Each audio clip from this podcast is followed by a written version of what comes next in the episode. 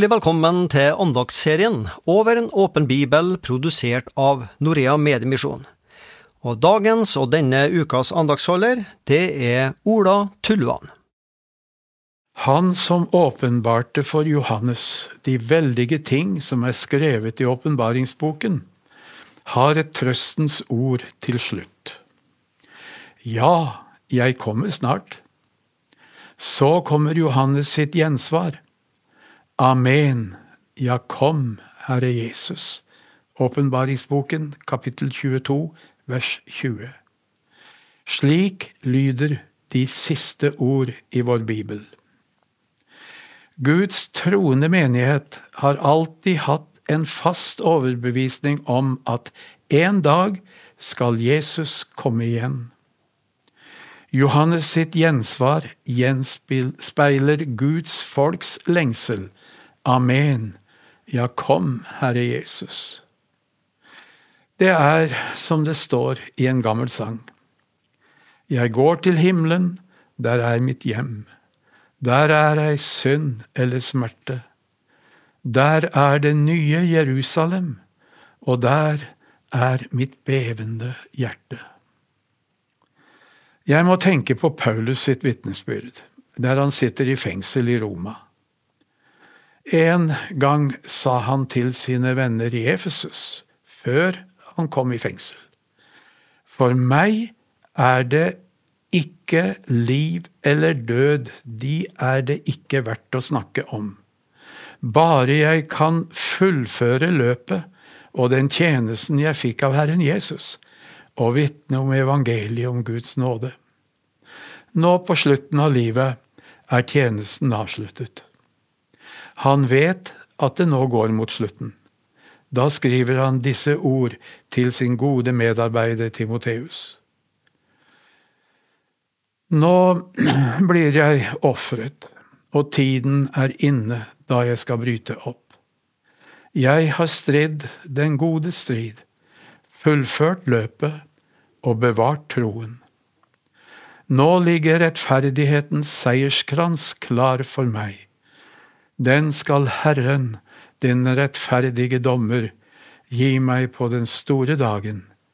Ja, ikke bare meg, men alle som med kjærlighet har ventet på at han skal komme. Paulus kjenner ikke på noen bitterhet mot sine dommere.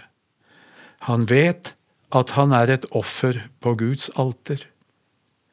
For det er for Jesu navns skyld han nå skal dø. Han er beredt til å bryte opp, for å bruke hans eget uttrykk.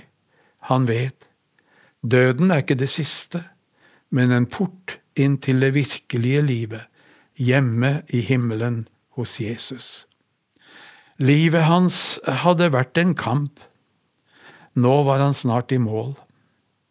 Han vet at han eier det ene nødvendige. Han har bevart troen.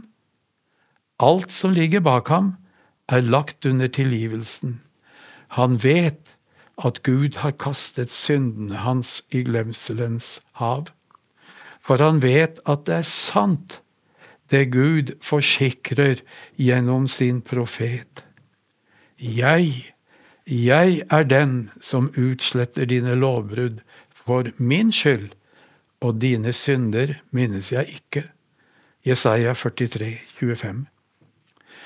Foran seg har han seierskransen den som er beredt for alle dem som tror på Jesus, og som lengtende strekker seg mot møtet med ham. Én ting er å ha Jesus med seg i dette livet, men hvorfor skal jeg og du være kristne om frelsen bare gjaldt dette livet? Hvorfor skal vi utsette oss for den harselas og motstand som ofte blir kristne til del i et avkristnet samfunn, om det ikke var noe bak død og grav å se fram til? På en misjonskonferanse for ungdom i byen Batu på Øst-Java i Indonesia, der min familie bodde i tolv år, var jeg i 2006 invitert som taler sammen med en indonesisk bror som jeg kjenner godt. Det var ca. 1500 ungdom til stede fra hele Indonesia. Mange hadde opplevd grusomme forfølgelser som hadde gått over landet i lengre tid. Noen hadde mistet foreldrene sine og andre slektninger. Andre kunne vitne om venner som hadde mistet livet. Etter avslutningsmøtet var det tid for oppbrudd. Mange var redde for å reise hjem. De tok omkring hverandre, gråt sammen og ba. Ikke om å få et langt liv, med alle de goder det kunne føre med seg.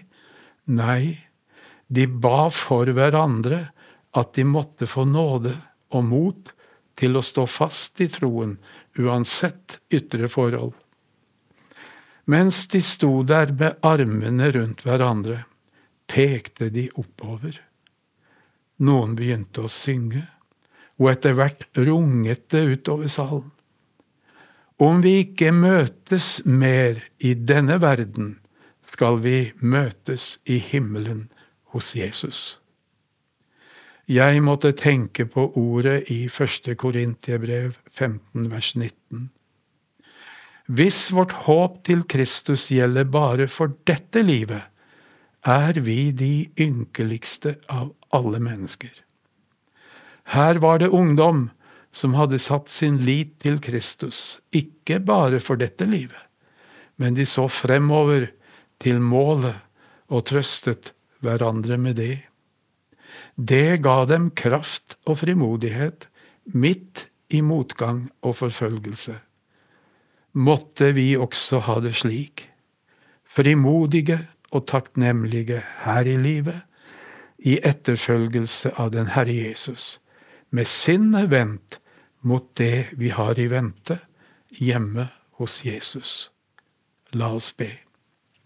Kjære Jesus, du har sagt at du kommer. Ja, du har sagt du er nær. Bevar oss, styrk vår tro. Lær oss å leve helt for deg, hele veien hjem til himmelen. Amen. Du har akkurat hørt en andakt i serien Over en åpen bibel, og dagens andaktsholder var Ola Tulluan. Denne serien den produseres av Noria Mediemisjon og hver fredag så tilbyr vi forbønn. Ring oss da gjerne på 38 14 50 20, 38 14 50 20, mellom klokka 09 og 11.30 på formiddagen. Eller du kan når som helst sende oss en melding via Messenger på Facebook eller på e-post.